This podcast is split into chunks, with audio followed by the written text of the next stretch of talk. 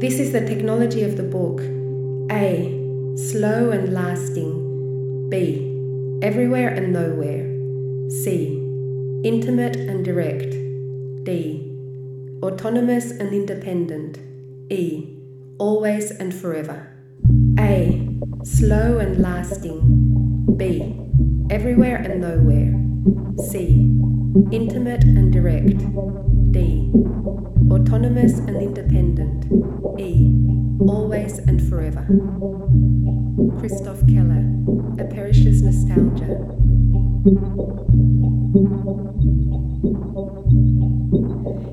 Independent publishing is experiencing a boom in the art world. The vitality and ubiquity of small artists' editions has gone hand in hand with a proliferation of sometimes highly imaginative microfairs and other spaces for sharing, connection, dissemination, and distribution. Post internet technological development has accompanied this later stage in the emancipation of the book. Leaving behind its quintessential role as a conveyor of ideas, the book becomes a space for expression, a blank page freed from the responsibility of representing reality. The increasing affordability and accessibility of means of production, maker culture, and the revival of craft and DIY have favoured the boom, which revives and updates the tradition that emerged in the late 60s of conceptual artist books as an autonomous democratic space. Today's independent publications maintain and strengthen their links to non objectual immaterial art as idea and action, although they tend to stay away from the political potential that once characterized the world of the small press in favor of the shifting sands of the fashionable. Before the bubble bursts, we speak to Kit Hammonds and Bernhard Cella about the boom, the recovery of supposedly obsolete printing techniques the risk aversion of institutional art collections, about professionalisation, and about digital generation. We also look at some of the strategies they have used to explore the medium, which range from placing the book at the centre of the exhibition space to inventing bizarre taxonomies, turning stolen books into artworks, and being seduced by the eroticism of publication raves. And finally, we collect a bunch of definitions and different approaches to the notion of the art book. Publishing and the legacy of conceptual art. My name is Bernhard Cella. I'm an artist. I live in Vienna. I'm a conceptual artist with a strong interest in craft. Um, so, this is also my connection to publishing because I think publishing is a kind of result of concept art, using the opportunity to publish as a container for my own ideas. I studied in the 90s art in Vienna at the Academy and in Hamburg at the Academy. It's called Lerchenfeld. And at that time, I realized that there was a, a big movement on one hand, uh, which was the digital reality, which became a mass media the internet. But also there was a, a boom of um, interests coming up on using book and paper and print uh, for artistic reasons. And for me, there was always a relation. And then I figured out that um, actually, after the internet became a mass media, the book was free again to do everything in general, there was no need anymore to put informations in a publication. So all the information part switched to the internet, and the, the book was actually empty. And that was an interesting moment for me to see that uh, this kind of emptiness was then filled and thought about in the artistic world, in relation also with the fact that uh, publishing was getting cheaper for everybody because of digital print and different techniques, printing, whatever. So it was a real new option to make your ideas public. The artist's book is not an art book. The artist's book is not a book about art. The artist's book is a work of art. Guy Schraenen, In a Throw of Books, 2010. One fact is we have a history of 600 years in which we develop a medium of the book to work or to um, function for complex questions and complex images to break down for our brains or our way of understanding. So when when you look at publications, this is a medium which we have been treating all over the world for uh, a very long time to be usable. What we do with the internet is a similar thing. We try to um, transfer the idea of a publication into the internet, which doesn't actually really work. So now we have maybe 20 years of internet, which is not very long. For me, it's the relation between the two medias which makes it interesting. It's not about either or. I think it's uh, it's uh, each of them has a specific quality uh, you can use, and the new phenomenon of making books in the art is only happened because we have the internet. When I talk about no ISBN today, then this is not a subculture. This is about uh, mainstream. I'm talking about mainstream. So printing today means participating, being part of something. It's uh, not about uh, the fact that you actually have a need to communicate a certain topic with others. It's more about being part of something. So you experience yourself by printing a book, you know? It sounds weird. it's more about you and your experience in a community instead of uh, information you want to share with other people. You know, I'm talking about um, the boom. Of course, in between, you have a lot of people with serious interests working on a strategy how they can actually share their ideas. Show, share, sell. The phenomenon of micro art book fairs. I call uh, micro fairs. That's a new phenomenon, I think, which is very strong connected to uh, the phenomenon of bookmaking, uh, especially in the art world. There are also other fairs like comic fairs or, I don't know, bookmaking fairs which are not connected to art. But anyway, the art world, or let's say everything which belongs to the art world, created uh, their own network in which they sell their publications. So in the past, it was actually impossible to sell your book in a bookstore. Maybe you had a local bookstore and they were interested and they took the book, but there were actually no public. And uh, the booksellers also by doing interviews with them, I realized they told me they have no public uh, who understands the publication. They have no space in the shop and they were not trained how to talk about the product they were actually trying to sell. So it ended up there was no structure, no distribution, uh, and no public. So we had this boom coming up, and then we had actually no space to show, to share, and to sell. Because often the producer or the, the author is uh, the producer and the distributor. So that means it's a personal union. It's one person or two people who are running a small publishing house producing maybe five books a year and then trying to sell them.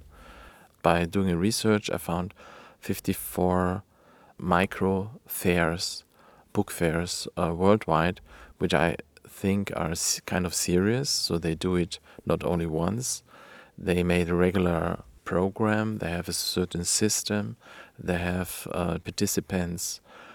So th- those little fairs, they have about 200 and 300 people, uh, participants coming to the to the fair, and the interesting thing is that they use it as a platform to communicate not only the fact that they want to sell the book, They connect each other. They talk about the topics.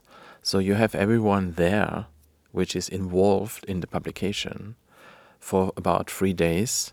And in this time, people selling, uh, exchanging uh, their books, and representing their ideas, and also maybe finding new ideas or whatever. So it's it's a very functional moment.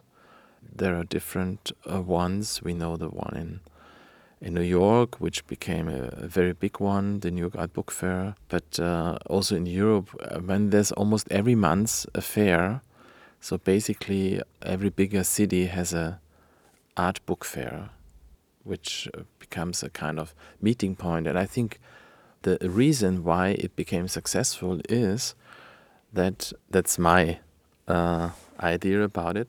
But the book in the art world is important, but it's not the artwork. Uh, but many people are involved. So uh, when you look uh, in the impressum, in a publication, in an imprint, you will find everyone who has been involved the writers, the translators, the artists, the photographer. Uh, the people who were just uh, doing a specific work only for this publication, the distributor, the publisher, etc. So you have uh, a multitude, it's a network of people who are connecting to the publication. And what you see, the audience of these microfairs, is actually mirroring that kind of scene. Everyone who has been involved is kind of interested to see how the book is shown and who is there. So it's a social moment, and people come together uh, in this kind of uh, these meeting points. And I think that brought a new option not only to meet up, but also to sell. And I think that's also interesting because it brings us back to ideas of the 60s and 70s, where the concept artists in America, especially, but also here in Europe, were trying to find new ways how artists could um, sell their work directly, you know. Curating fairs and the case of Publish and Be Damned. I think it's important to to curate even a, a fair, so to see the direction and to make clear that if you want, there is a meaning. There was a fair like 10 years ago in London. It was invented by Kit Hammond and two other people, and it was called Published and Be Damned. It was a one day fair for free, which was uh, very unusual in London to find. And I once participated because I was interested to see how this functions. It was a real experience. It was like a pop concert where everyone was on stage, you know. So it was a meeting point also in between all these sections graphic design, bookmaking, and artists and writers, translators. And, you know, it's like the whole scene came together. And of course, uh, they were trying to sell stuff or to exchange, but I think there was much more going on at that point. What it means to organize a micro fair. And what you can see today, it's not a single position, or, you know, it has been developing now for maybe 10, 12 years. So what we see now is that the whole thing settled in a way that there is a clear understanding for what it means to do a micro fair and what it means to be connected uh, to artistic matters and what it means to do a framework in which a fair makes sense. But in general, I think the, the idea of having those fairs is a great new opportunity for the artists, for publishers, for collectors, you know. Professionalization, money, and meaning. This is an expression of our time. Everyone becomes professional. so I think nobody wants to be uh, not professional, you know. I think the money became uh, a very uh, meaningful figure in this uh, in this body. I think that really has changed a lot because um, it starts with the fact that there is nothing for free. Everything has to have a price. Without the price, it has no meaning. So we have all these things on top of each other. If you start uh, and do something for free, I mean, there is a meaning, but in, in a way, the meaning has gone, you know? People want to know a price, otherwise, they can't figure out make, does it make sense or not, you know? So it's one of the reasons why fanzines became super expensive, like 30, 40 euros. And the production price is like maybe 50 cents or 30 cents, you know? the whole attitude has changed uh, in between production costs, meaning, and selling price. Boom and bubble. Self publishing goes mainstream. I realized that people, uh, especially artists, and we only talk about the art field in that case, are using nowadays publishing as an opportunity to um, make their own interests public.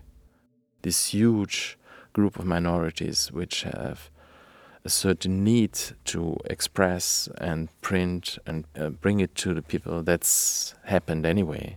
But the bubble or the boom is something which is on top of it. Self publishing and political expression, a change of paradigm. So for me, uh, No-ISBN as a, a political movement, whatever, or as a political uh, expression I think uh, when we look back to the past, we can see that printing uh, was um, always important to be to communicate uh, ideas in public. That was clear. And uh, let's say the history of um, self-publishing is linked to certain facts that specific ideas or material was not allowed to print so it was forbidden for different reasons political reasons, uh, religions, uh, whatever. And there was always a certain filter which were a kind of difficult to get through.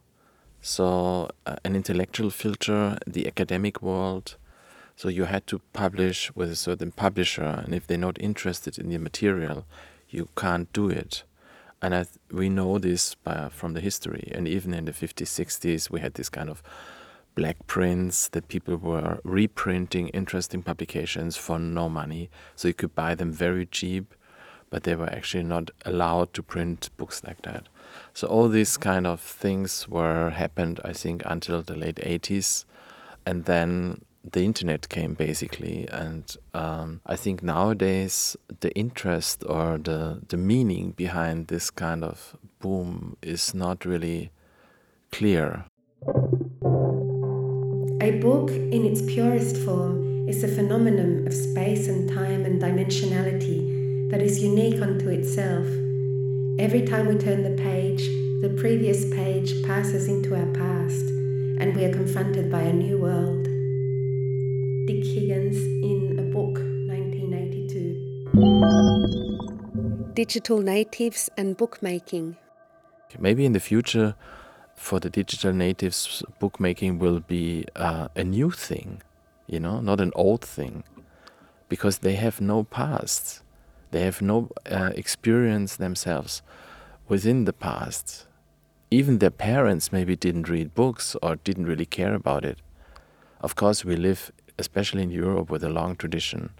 And this will not be finished in, in a short period. But when you see in public the spaces in which you can actually buy books or books are shared, it's changing. It doesn't mean that it's disappearing, but it's changing.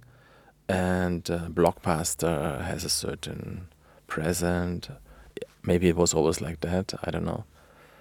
But it could be that the, the, the future generations will use the medium again just because the way how you can contain information is also more stable so you can keep information for 300 years without even talking i think there are different uh, reasons why like a stencil print became an attraction again because uh, everyone who grows up now is growing up as a digital native, more or less, and the analog generation is getting old or is not existing anymore, so they died.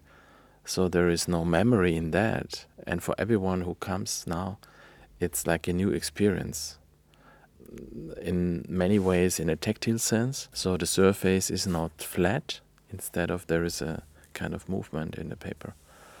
And also in an experience, I did a couple of years. I did do uh, participate to an exhibition in Vienna at the MAK, and I I decided to produce a publication within the exhibition. So I made a kind of installation in there in which I put everything I need to produce a publication on the platform, and then I also put a Heidelberg on the platform, and we produced during the exhibition a re reprint of uh, a book uh, which was called How to Disappear uh, Forever. Anyway, so it was kind of a reenactment of a technique which is already coming out of the museum.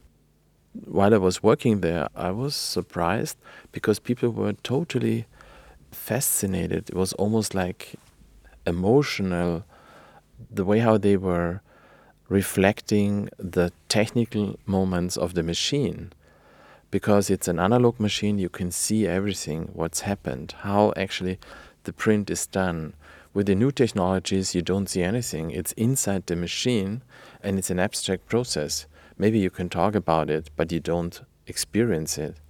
The old machines is very visual it's just for us, it's kind of um, a new experience again. And I think that's maybe one of the attractions, next to the fact that you can repair a lot of things on a machine yourself, which you can't do with the new machines.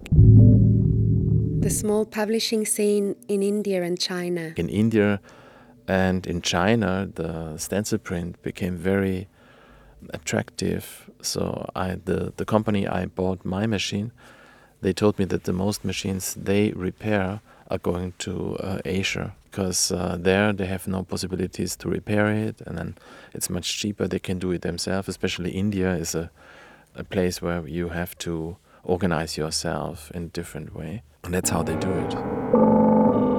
Emotional responses to analog techniques. The case of Risoprint. When you start using the technology or including the technology as an artistic uh, expression, an analog technique can become an interesting technique to uh, use for a certain work. But of course, there are workshops, and I was surprised because I got connected to uh, a certain printing movement here in Spain, uh, which is very different to what I experienced back uh, in Austria or even in Germany because it's a strong interest in craft. Also, I think that's uh, maybe a reaction on this digital uh, reality where you don't have any interaction anymore with material. You only everything is happened in your brain. You know, you're not uh, you you miss something, and I think uh, there's a, a lot of people who wants to have different possibilities. So that's one of the reasons why we starting uh, remembering techniques from the past and inventing them. At the end, you know, the riso print, for instance, which is a Japanese uh, technique uh, which works uh, similar to um, uh, silk print, comes from a very early stage of copy machines. I don't know how you call this, but it was a, in German, it was with spiritus, and it was a kind of uh, master you had, but you only could do 100 copies, something like this. And it was in really bad shape. It was this kind of bluish print, and everything smelled like spirit, like these chemical uh, things.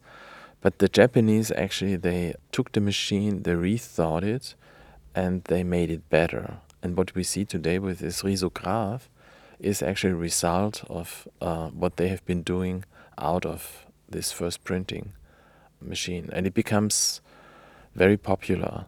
Uh, there's a big number of art centers and schools and using this machine because it's possible to make your own experience with it, to try out and to see a result, you know, without uh, going to a printer. Artist books are understood to be books or booklets produced by the artist using mass production methods and in theoretically unlimited numbers in which the artist documents or realizes art ideas or artworks. Clive Phillpot.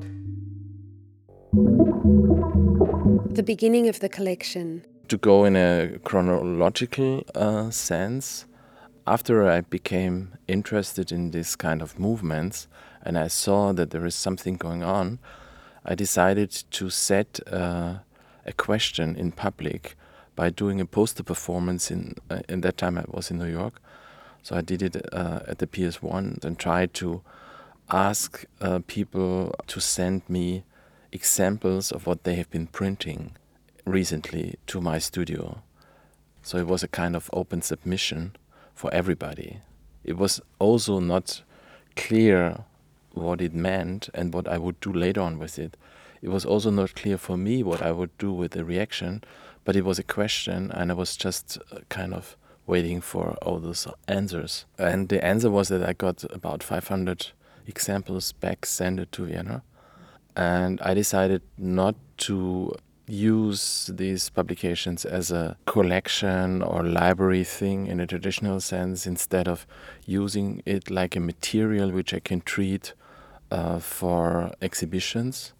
So, for instance, I was invited to um, the Galerie für zeitgenössische Kunst in Leipzig, and I decided to use the publications for a kind of setting, like a film set, in which you could actually uh, see the publications, but they were also background for a film I did inside and during the exhibition uh, with artists from Leipzig.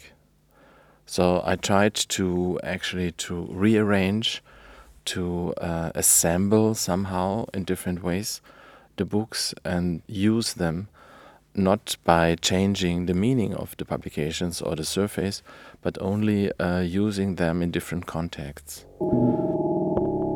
Salon für Kunstbuch, transforming the studio into a bookstore. In 2007, I decided to change my uh, studio into a one-to-one model of a bookstore. I was interested in uh, as an artist and um, to use them also for discussions and for specific um, presentations. I was interested in also in things like how you could actually present publications which has been produced in the field of art and artist books something different. So display was a matter. I was working with cartoons, so this was easy to handle. And then it was growing and growing, and I think after uh, 3,000 books, I was kind of uh, more seriously thinking about how to change the space into a situation that you can actually handle books which were not mine. So I'm working in the space with landed material by other uh, artists, colleagues and some of the books I bought myself, but uh, it became a, a, kind of communication model for different interests. After three years of doing Salon für Kunstbuch, I realized that that there was a certain movement uh, that people were starting to show me what they do, which I thought was very interesting. When you have seen, like I don't know, in a year maybe 500 publications and you see maybe five really interesting uh, pieces. So for me, it was just exciting to meet up with the producers, to talk with them, to make relations, and to build up maybe something we could do together or we were sharing. So, in a way, the filter of the salon became um, almost like the bridge or the gate to make it possible to collect like that. The question of money, making a living. In this special construction of the Salon für Kunstbuch, I included the, the fact that there is a selling moment, so that there is money involved in an art piece is something which I think is unusual because normally the art world never wants to be connected to a selling moment. In this specific constellation, I was interested in not becoming a library and not being a bookshop. So, this kind of hybrid situation was uh, important for me to create a balance in which uh, you are not becoming one or the other, you know. So it's always in between. So then to keep the discussion uh, always going on, it's this. No, it's not this. So like the the misunderstanding became actually the essential key point to create a new uh, meaning.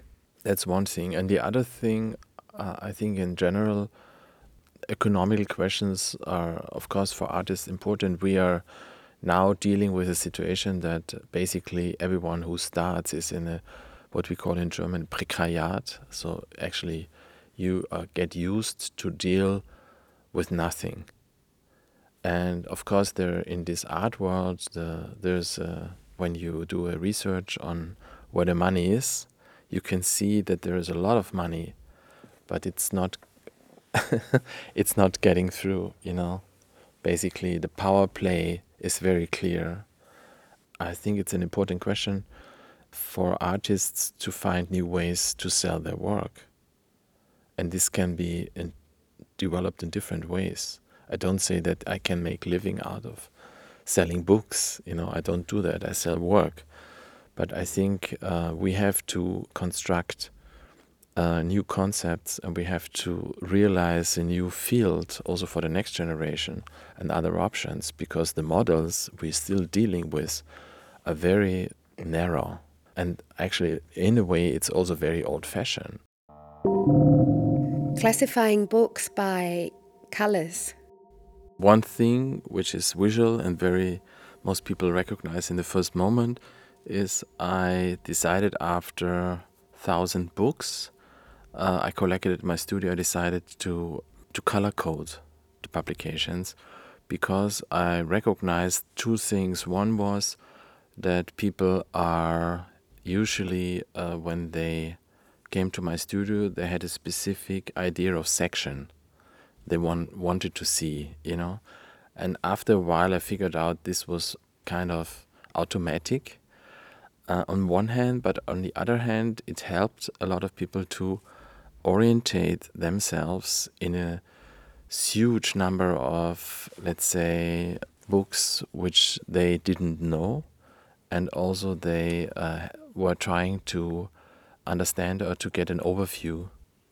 So I thought uh, the fact that you would actually mix up the publications in a way that you can't recognize a section anymore instead of an aesthetic overflow because this is like a what you see basically when you structure books only by colors and you do it with artist books or books from the art world then you see a multitude of different styles uh, sizes ideas in graphic sense. There is no strict rule how it has to be. Of course there is a fashion and you know nowadays uh, many art, the most artists not working the graphic part themselves. They have a graphic designer who is doing it blah blah blah. So all this this we know but this kind of flash that you have an aesthetic flash of style and a multitude of style just in yellow or blue or black it brought a kind of people were more relaxed. They could uh, smile, they could browse, they could enjoy, and it was not about meaning and understanding. For me, it was a kind of attraction to the public without changing the books because they are yellow, blue, black, green, white, whatever. But when you enter a space and you only have white books in front of you, it does something. And if they made in a nice way, and there is a relation in between the color and the meaning, it becomes an attraction. And then people just enter to the whole topic in a different way. They start browsing, picking up something they're interested in, and it becomes an inspiration. And this is basically wh why we enter a space, you know. Interaction rules and stolen books. So, what I did from the beginning, I made it clear rules for publications. The collection always had to have one copy at least. Uh, so that means the last copy uh, I never sold. So then it's written in the book if you can buy or not. It's not only that um, we don't want to sell it, but sometimes it was just not possible to get a second copy, or it was out of print, or it was too expensive uh, to buy them. The fact that there were people entering the space and were interested in certain publications and they couldn't buy it uh, turned into uh, a problem uh, that uh, books were stolen and often stolen because you couldn't buy them anymore. But it turned out that uh, there were more and more books stolen, and I was trying different things, making this public. Uh, so in 2010, it became a real, let's say, uh, financial problem because uh, there were also expensive books stolen, which were uh, not mine. So I had to do some changes myself because it was also an for me a question what did I do wrong? Uh, how did I communicate uh, the material to the public? Usually, what I do when I get uh, into a situation like this is like a, a real confrontation, and it feels it's a very personal one as well because people know it's my studio. I'm responsible for it, so I changed uh, certain things. So I took a certain kind of publications completely out of, let's say, the space. I started uh, making a list with all the publications which I missed.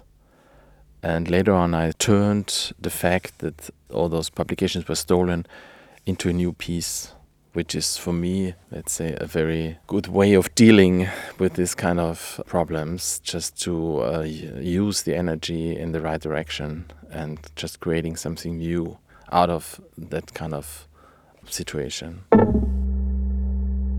Unlike an art book, catalogue, or monograph that tend to showcase artworks created in another medium, the term artist books refers to publications that have been conceived as artworks in their own right. These projects for the page are generally inexpensive, often produced in large or open editions, and are democratically available.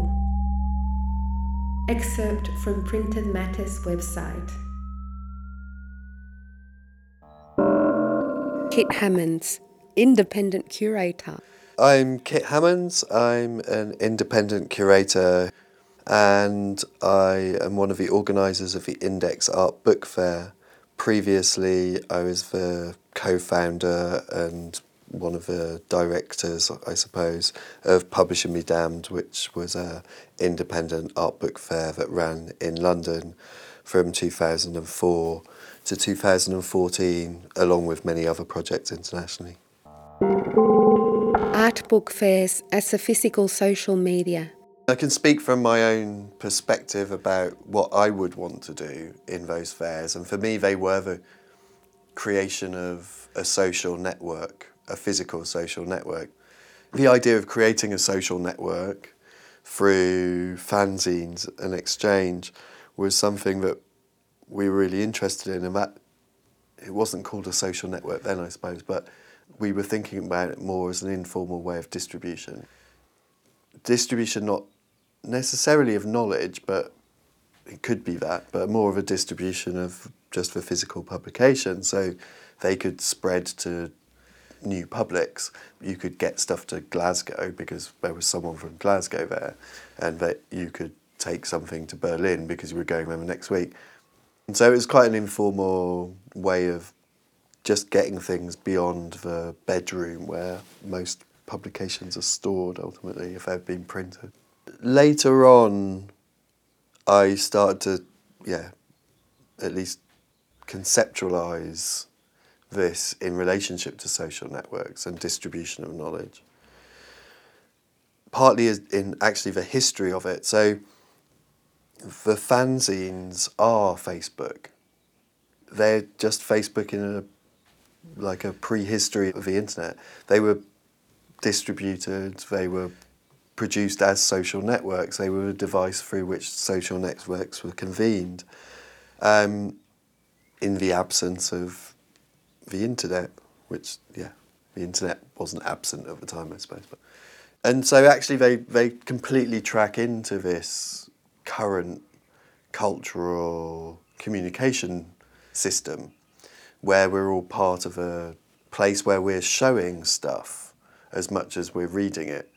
So we're throwing things into a big pool of mutual connections and reading what they throw back. And you know, the fanzine was really that. It often fanzines weren't the individual artist producing something in what we now call a fanzine, the photocopied A4 folded piece of paper, but they were magazines which were written by fans and they were the place where people could make their voice heard among their social network, which whether it's a football fan or a, um, a punk music fan. There seems to be some kind of evolution from this publishing into social media, and it, that is quite ties them together very very well. Also, I I think that these book fairs exist partly they're partly reliant on social media in terms of creating that energy around them as an event.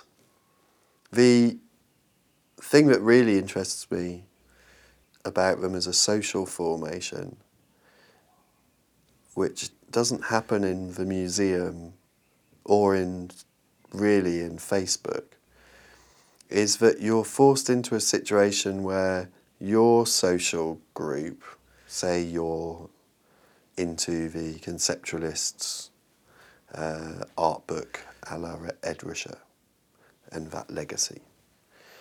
It's right next to pulp pornography, which is a new social group, and those two things wouldn't meet or even meet on Facebook. I mean, they would as an individual, but the actual groups coming together into the space and showing interest in one another rather than the kind of history of a fanzine, which is about showing interest only amongst yourselves. A football fanzine won't suddenly introduce a conceptual art section. But if you put them into an event, they do start to mix and mingle. And like I say, that doesn't happen in museums with artworks, that doesn't happen in the street, and it increasingly doesn't happen in bars, it doesn't happen online. So the uniqueness of the book fair or the artist book art book fairs that are happening now is that you do get this blending and as a result I think you get a blending of the content.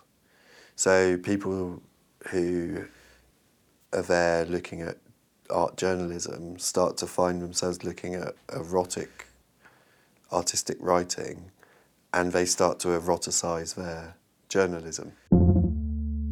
A book is a sequence of spaces. Each of these spaces is perceived at a different moment. A book is also a sequence of moments. A book is not a case of words, nor a bag of words, nor a bearer of words. Ulises Carrión in The New Art of Making Books.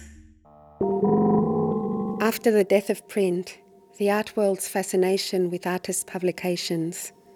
After the death of print, there has actually been a, more of a fascination, particularly from the art world, and I mean artists as makers, curators as exhibition makers, and the buying public in artist publications, although the, how one defines that is increasingly quite difficult, I think. So the death of print was what was used as a term by quite a large range of industries and media, um, really around the newspaper industry primarily, as digital media media began to take over. And I mean, I don't need to recap that history, but uh, the origins of publishing be damned were in this like feeling of the the arrival of the internet that actually functioned to replace the the paper based uh, media.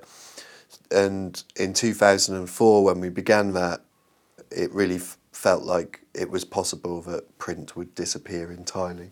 And so we were interested in looking at publications that somehow used redundant technologies, pr- redundant printing technologies, because they were suddenly made available, whereas before they were industry standard or industrial and therefore out of uh, the range of your normal practicing artist, not just in the printing but also in the use of desktop publishing, things like that. They became more accessible. Uh, you know, this democratization of the media is quite a well rehearsed story of artist books. Even um, the Ed Ruscha books are discussed in this terms of litho print becomes, oh sorry, offset um, litho becomes available for the first time to your average person in producing those kind of publications. So there's definitely a kind of trajectory in the history of these this kind of publishing that is linked to the technological developments or transformations of media. But um, I think everybody sees it this kind of redundancy as kind of some kind of loss. Publishing as a trendy activity and book fairs as distribution points. Recently, actually, it seems to have created more events around publishing. I'm not sure if there's more publishing or not. It would be very difficult actually to know that.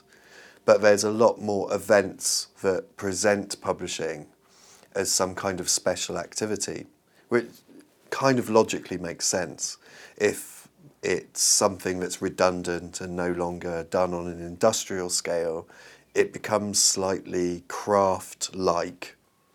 And that's not the same as the fine art crafted books that are hand bound, handmade, but it's just a, the use of a, a outmoded technology that seems to have have a fascination for people. And I would equate that to the death of 16 mil film, where there was a sudden overuse, in a way, of 16 mil film in the gallery and museum as it became impossible to produce 16 mil film anymore on an industrial scale.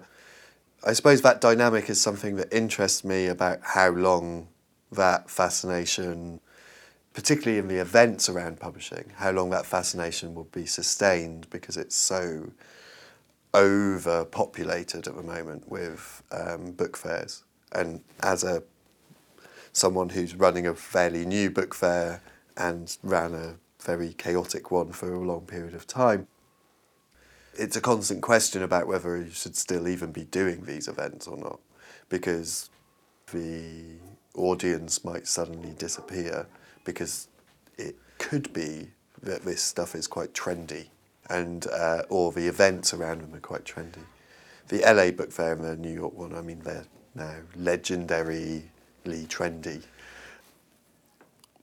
That's not to say they're a bad thing, of course. I think they're really good things, but the industry connections for the publishers and the book dealers there have also kind of turned into more like a consumer activity. So book fairs used to attract more distributors, but there's no distributors left. It's like the book fairs are the distribution point. The blurring of genres and disciplines in the book form.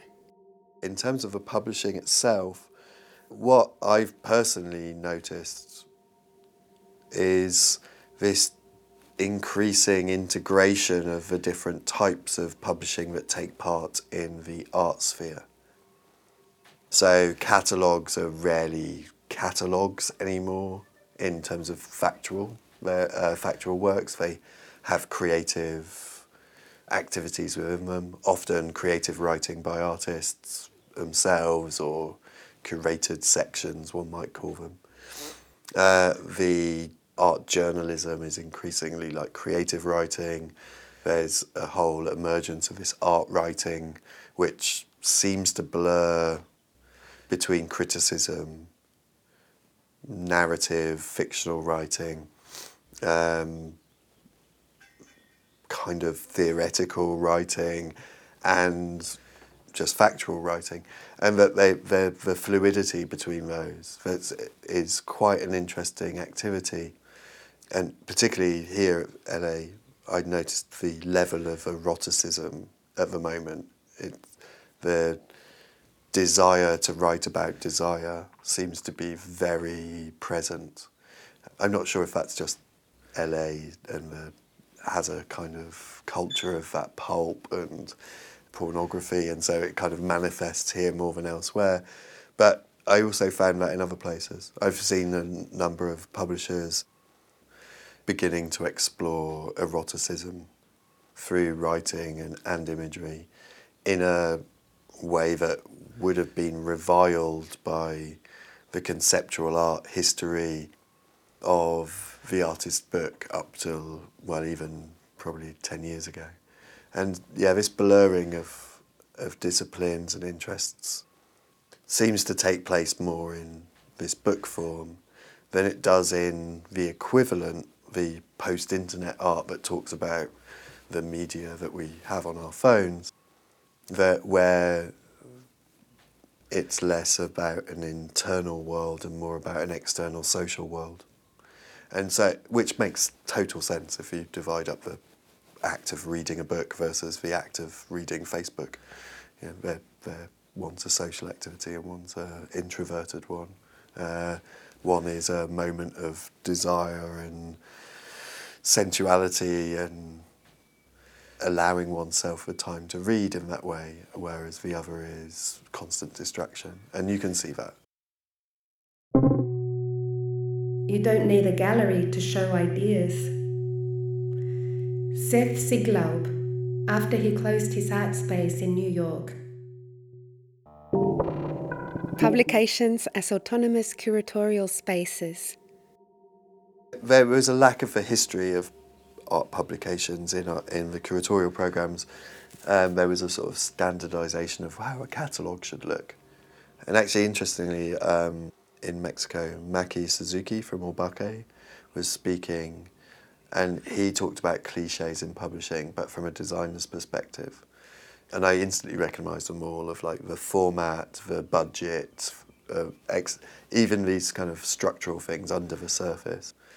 They were kind of cliches um, in his words, or just standards, you know, basic standard forms uh, in another language. And so those are the sort of things that were being taught in the curatorial program, rather than. Um, but later, I started to introduce the idea that the publication is a curatorial space. It's one that you have complete autonomy over, rather than a gallery space, which is actually maybe more compromised. It's the general public nature of it means you have to be more conscious of the language you use being orientated towards everybody, the potential for just things to be safe, or you know, those things are real concerns as a curator, and they should be. But within a publication, you kind of can lose all that, and you can lose the, um, you can lose certain amount of respect for things you can represent a work of art without any of its like um, physical limitations. And so you can be a little bit irresponsible. And so there, which I think is a positive thing generally, that you should occasionally be a little bit irresponsible with some of this material.